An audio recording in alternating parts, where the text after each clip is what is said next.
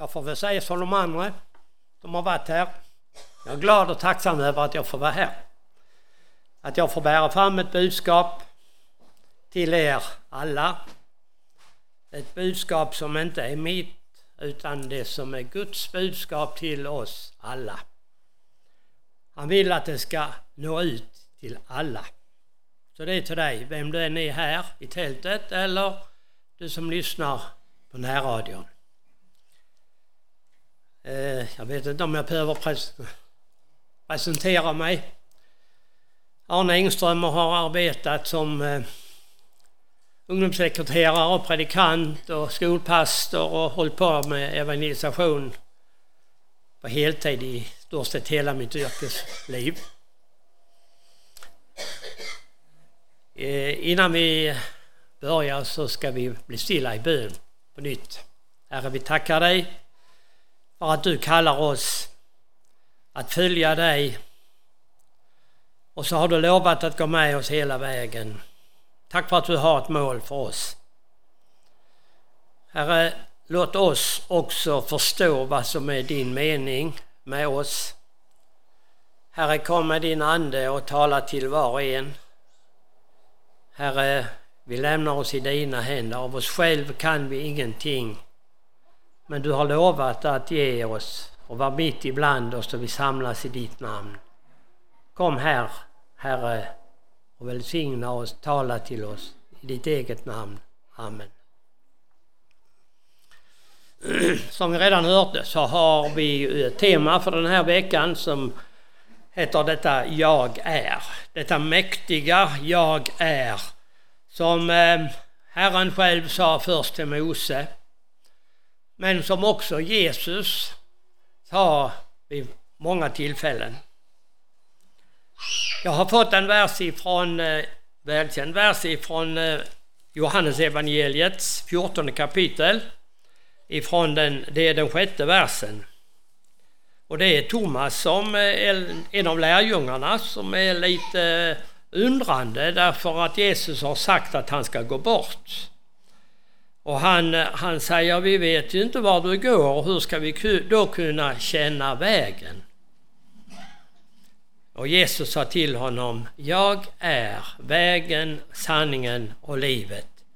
Ingen kommer till Fadern utom genom mig. Att komma till Herren.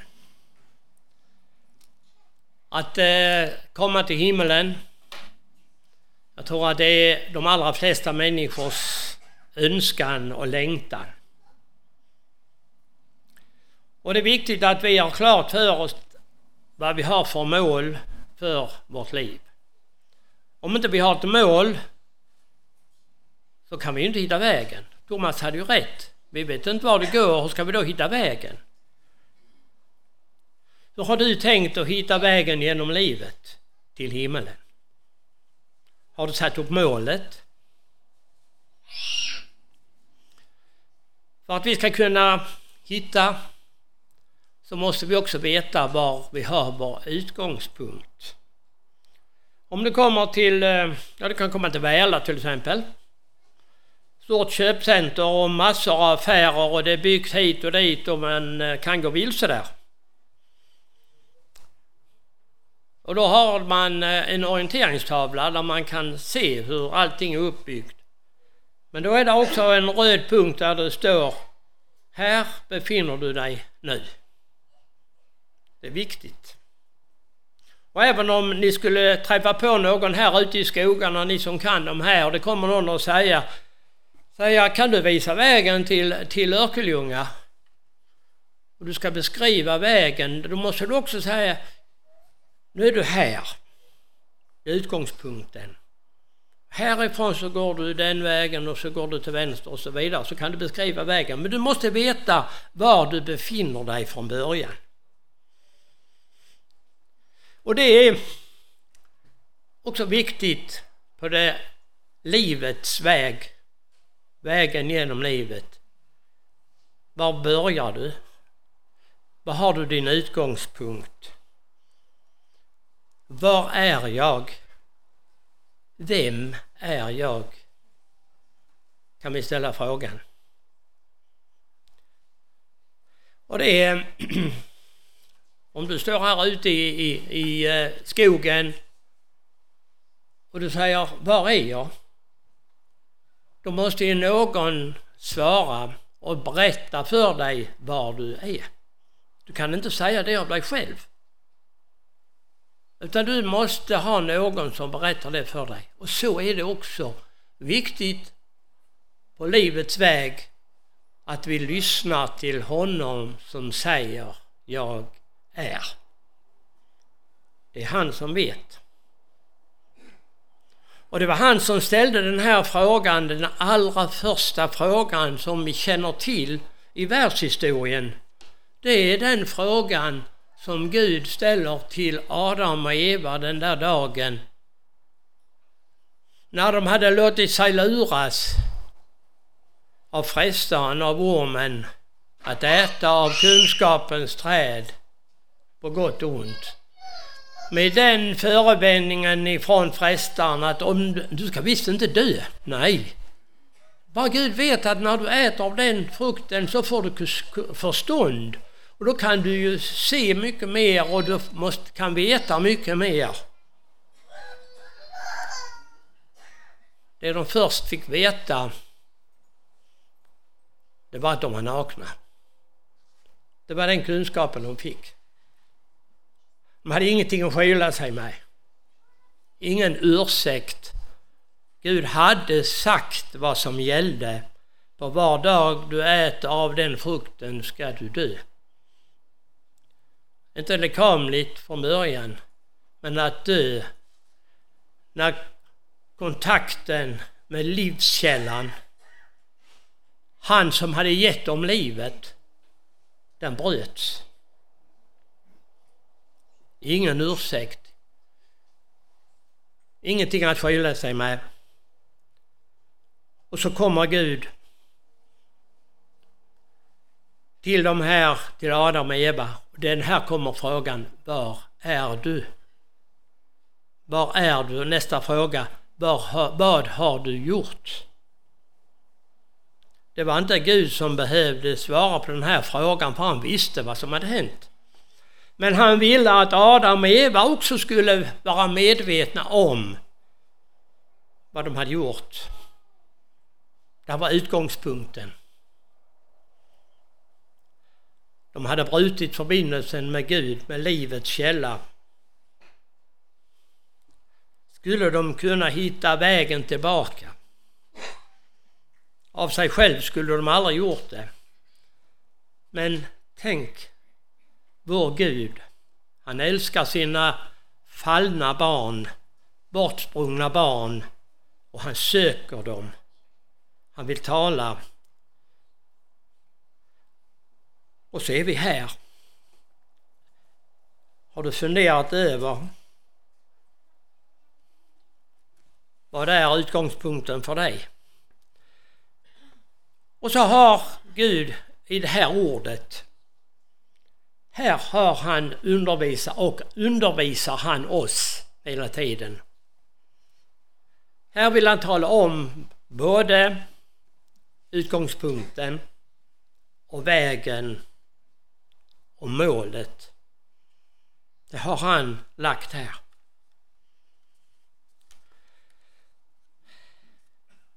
I den eh, 25 salmen, det är David, kung David som har skrivit den, där skriver han så här Herre, visa mig dina vägar. Lär mig dina stigar. Led mig i din sanning och lär mig, för du är min frälsnings Gud. På dig hoppas jag alltid. Den här bönen, den behöver vi nog be allesammans. Ja, det behöver vi. Visa mig dina vägar. Han behöver visa oss sanningen om oss själva och sanningen om, om, om honom. I eh, den 119 salmen i Saltan kan vi också läsa I den 160 versen står det så här. Summan av ditt ord är sanning. Dina rättfärdiga domar är eviga. Summan av Guds ord är sanning. Så när vi läste texten, Jesus säger Jag är vägen, jag är sanningen, jag är livet. Jag ska vara här imorgon också, då tänkte jag ta just den här biten om livet. Sanningen har vi i Guds ord. Och han vill visa oss vägen där. Ordet som eh, vi läser om i Johannes evangeliets första kapitel. Jag har tidigare i veckan. Där står det så här om ordet. I honom var liv och livet var människornas ljus.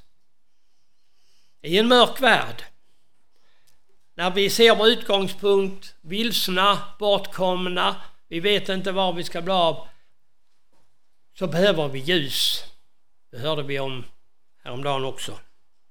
Och Guds ord är ljuset på vår levnadsstig. Ditt ord är mina fötters lykta och ett ljus på min stig.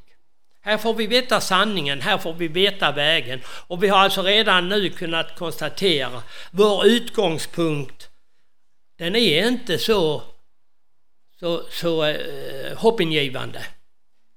Borta från Gud, bruten gemenskap. Och detta gäller ju alla. Alla har syndat. Det finns ingen rättfärdig, säger Bibeln, inte en enda.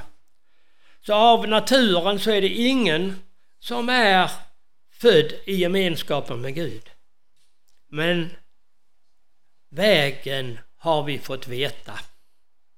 Jag är vägen, säger Jesus. Och han vill leda oss. Utgångspunkten för detta, att ta detta till sig, är ju att det finns en Gud som har skapat mig.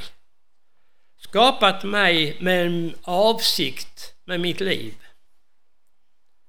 Ja, han skapade oss, säger Guds ord, till att vara hans barn. Han skapade människorna till att leva i Edens lustgård. Han skapade hela allt detta runt omkring, detta underbara vi har hört i sången bland annat. Detta skapade han för människans skull.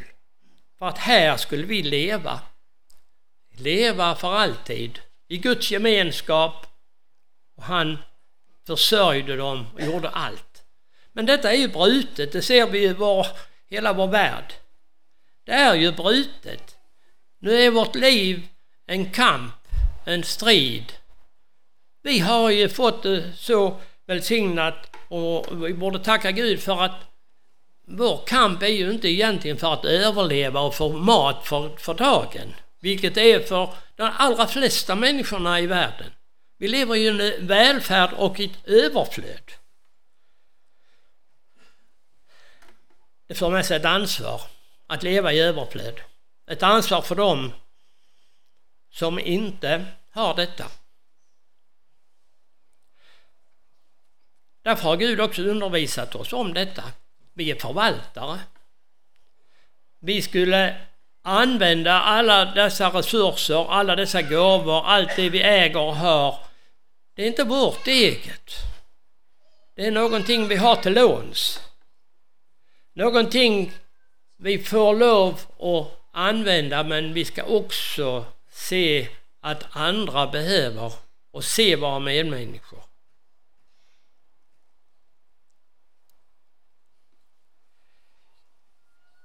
Och han har skapat oss för att leva i gemenskap med honom och leva i gemenskap med varandra. Ha ansvar för varandra.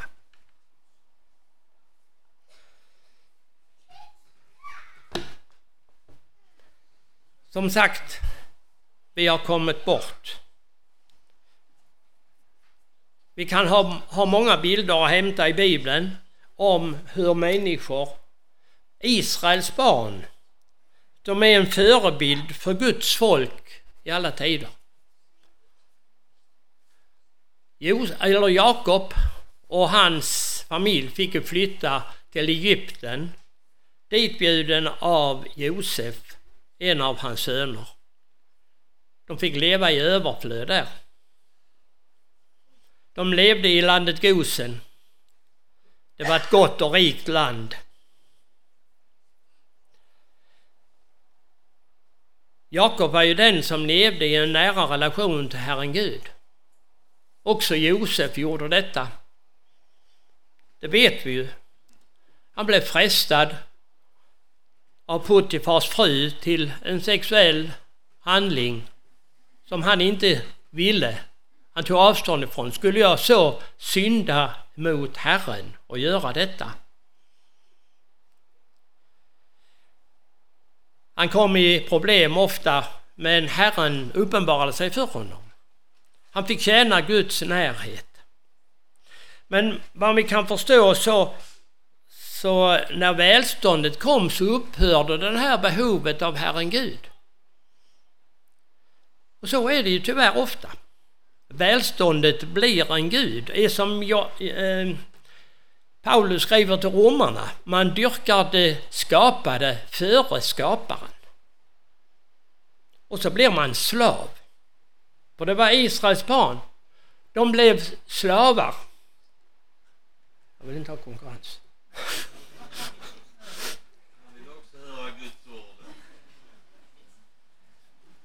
Det behöver han kanske.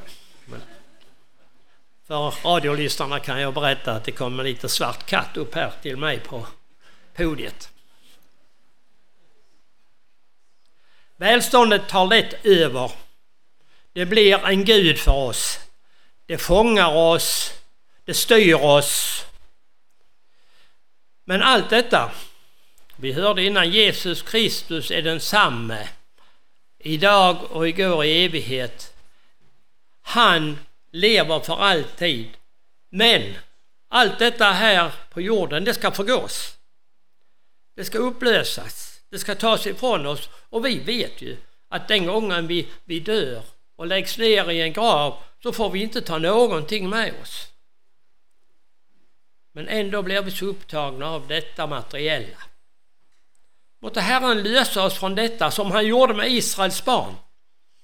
Där i, efter 400 år i Egypten och till sist som slavar. De hade inga rättigheter, de hade ingenting. Det är av det vi kallar för människovärde. Men de var inte bortglömda av Herren Gud. Inte heller vi i vårt välstånd. Vi som har tappat bort Gud ur våra liv. Eller vad har vi vår utgångspunkt? Som Adam och Eva, de hade brutit förbindelsen med Herren Gud. Hur har du det med förbindelsen med Herren Gud? Har du någon förbindelse? Hör han av dig i bön mer än när det krisar riktigt? Har du bett Herren om visa mig din väg? Har du behövt komma som vi hörde i sången? Komma lägga ner allt, min synd, min ondska, min likgiltighet och allt detta som ibland bränner våra samveten. Har du kommit och sagt Herre, jag lägger det hos dig. Jag är en syndare inför dig. Men du ska veta, Israels barn, de var inte bortglömda av Herren. Och du är inte heller bortglömd. Varför? I femte Moseboks sjunde kapitel står det Herren talar genom Mose. Det var inte för att ni var större än andra folk som Herren fäste sig vid er och utvalde er. Ni var tvärtom mindre än alla andra folk, utan var därför att Herren älskade er och höll den ed som han hade gett åt era fäder, som Herren förde er ut ur med stark hand och befriade er ur träldomshuset. Kom ihåg det. Du behöver inte vara större. Du behöver inte vara bättre än någon annan. Gud har utvalt dig till att vara hans barn därför att han älskar dig. Du har kanske sett en tavla. Du har kanske fått ett kort Du har kanske fått en hälsning någon gång. Jag har till och med sett det skrivas på en bergvägg. Jesus älskar dig. Hur tar du detta till dig? Berör det dig? Har det någon betydelse för dig? Att Jesus älskar dig? Paulus skriver i Efesierbrevet så här. Han har utvalt oss i honom före världens skapelse till att vara heliga och fläckfria inför honom. Hur många barn skulle han få då? Om alla skulle vara heliga och fläckfria. Och många här skulle komma till himlen om det skulle vara så här. Om inte jag hade fått fortsätta att läsa. Men det gör jag, gärna. För det är viktigt för mig. I kärlek har han förutbestämt oss till barnaskap hos honom genom Jesus Kristus efter sin viljas beslut till ära och pris för den nåd som han har skänkt oss i den älskade. I honom är vi friköpta genom hans blod och har förlåtelse för våra synder tack vare den rika nåd som han lät flöda över oss med all vishet och insikt. Det var inte för att vi var i oss själv fläckfria och syndfria. Det var inte någon sådan han kunde hitta. Men han hittade en väg till att lösa detta. Kommunicerar ser du vad det står? Genom Jesus Kristus.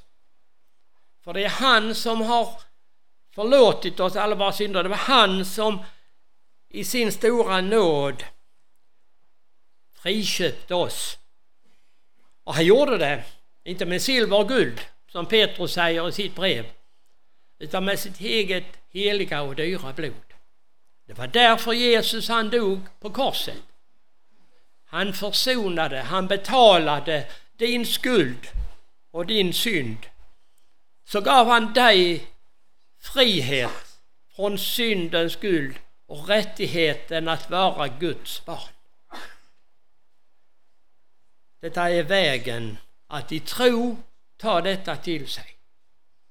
I Johannes första kapitel skriver han också att åt alla dem som tog emot honom gav han rätt att bli Guds barn, det som tror på hans namn.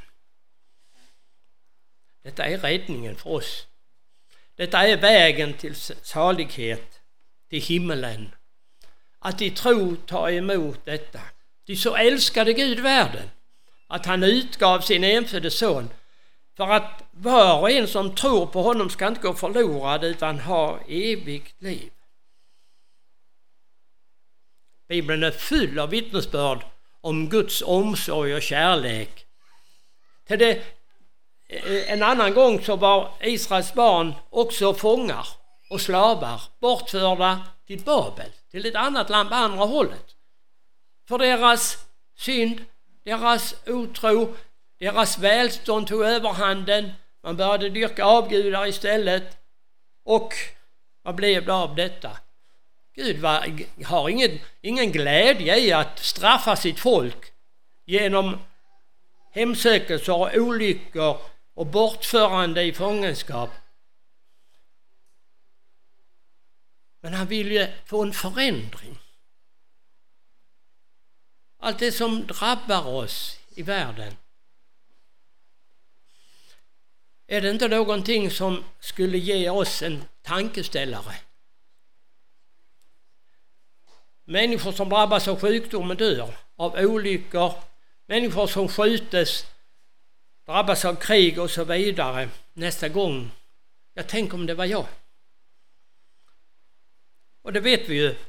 När stora katastrofer inträffar då fylls våra kyrkor med människor. Bedjande människor. Men det dröjer inte så länge förrän välståndet, är det det? Nej, men jag har det ju bra. Och så rätt vad det så faller man in i den gamla lunken igen och kyrkobesöken blir mer och mer sällsynta och bönerna tystnar. Jag behöver det inte längre. Jag klarar mig ändå. Det är människor som har drabbats av fångenskap, kommit bort ifrån Herren Gud, så säger han jag vet väl vilka tankar jag har för er. Nämligen fridens och inte ofärdens till att ge er en framtid och ett hopp. Han vill få oss att tänka till. Det vi drabbas av, det ska vi inte skylla på Gud och säga att Gud är ond som låter mig drabbas av detta och detta och detta. Han har en tanke och mitt i allt detta har han en kärlek till dig. Han som inte skonade sin egen son, hur skulle han kunna annat än skänka oss allt med honom? Så skriver Paulus i Romarbrevet 8. Har han gett ut sin son i ett bitter, fruktansvärt lidande och död för din och min skull, skulle han sen njuta av att plåga oss, låta oss drabbas av alla möjliga olyckor. Nej, han har ett syfte med detta. Vi vet ju också att vi som är föräldrar och försöker fostra barn, vi låter inte barnen få precis som de vill. Det blir inte bra. Vi har en erfarenhet, vi har en kunskap som föräldrar förhoppningsvis som vi gärna vill föra över till våra barn för att det ska gå bra för dem. Lära av vår, vi lär av våra misstag förhoppningsvis. Som vi sen försöker att låta våra barn slippa att göra bittra erfarenheter och misstag. Och så har Herren också kunskap som inte vi har. Och så vet han vad vi behöver. För han har ett enda mål. Han vill vi ska leva nära honom och i gemenskap med honom. Men det får du göra redan här på jorden, nu, här. Här är vägen. Utgångspunkten var inte bra, men du kan få börja gå på trons väg dag för dag och i gemenskap med Herren Jesus. Han hela vägen med mig går, av hans hand jag kronan får. Det sjöng vi sången gång på gång. Jag har en vän som älskar mig så högt att han lät offra sig i korsets död på Golgata. Mitt hjärta sjung halleluja. Det är inte självklart att vi alltså ska vara Guds barn. Vi har, jag vill ha ytterligare ett ställe vill jag läsa ifrån Efesierbrevet. Paulus skriver att vi alla, alla var vi vredens barn. När vi följde våra kötsliga begär och gjorde vad köttet och tankarna ville. Av naturen var vi vredens barn precis som de andra. Skriver Paulus om judarna och de som grekerna, alltså de som är icke, icke, icke-judar, de kallas för hedningarna. Och dit hör ju vi svenskar. Hedningar. Alla. Vredens barn.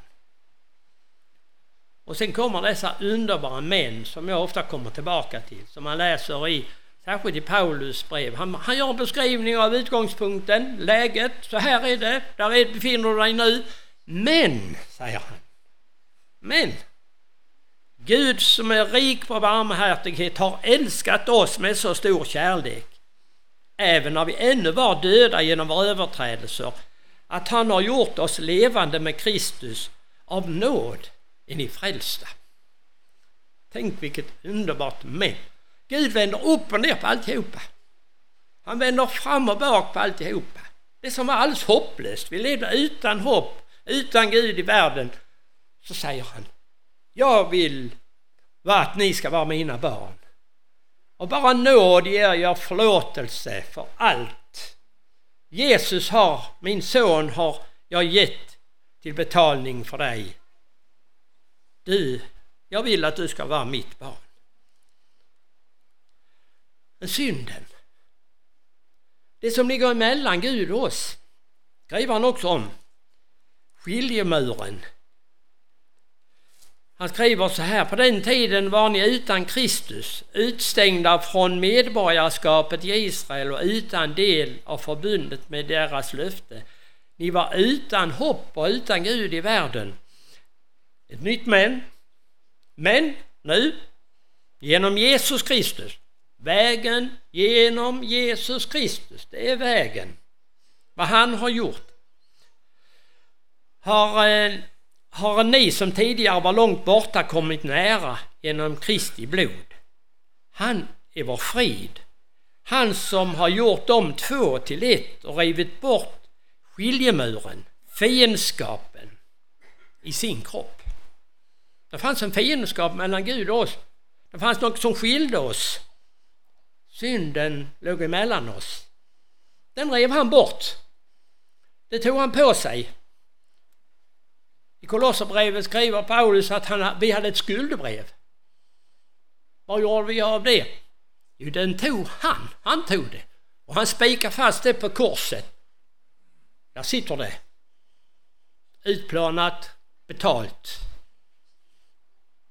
Vägen till det eviga livet går genom tro på Jesus Kristus och det han har gjort. Jag är. Det är han som är himmelens och jordens herre och skapare. Han som är din frälsare som säger det. Han säger att han älskar dig. Precis som du är. Kan du stå emot? Kan du säga nej till ett sådant erbjudande? Att du får ha frid. Du får leva som en fri människa utan fångenskap. Du kan ha den här världens välstånd. Du kan ha det. Men ha det som ett lån och använd det, bruka det i Guds, till Guds ära. Dela med dig av det du har. Om det är din kunskap, om det är den här boken som du har kunskap i och fått leva upp med, eller det är materiella, låt det få användas så att Gud blir ärad och av tacksamhet mot honom som har gjort allt för dig. Låt oss tacka och be. Herre, jag tackar dig för din underbara frälsning. Jesus, visa var jag befinner mig, var jag är. Och Herre Jesus, visa vägen du har gjort i ditt ord. Du har beskrivit den där så jag kan följa. Men Herre, det är så svårt att förstå vad du menar och så ofta. Därför ber jag dig, kära Jesus, gå med mig. Gå med mig dag för dag och bär mig och led mig. Tala till mig vad jag behöver. Herre, så när vi nu går så låt oss räcka handen till andra. Räcka orden, kärleken som du ger oss också till andra människor så de får komma med på vägen. Kom med din Ande och tala till oss och led oss. I Jesu namn. Amen.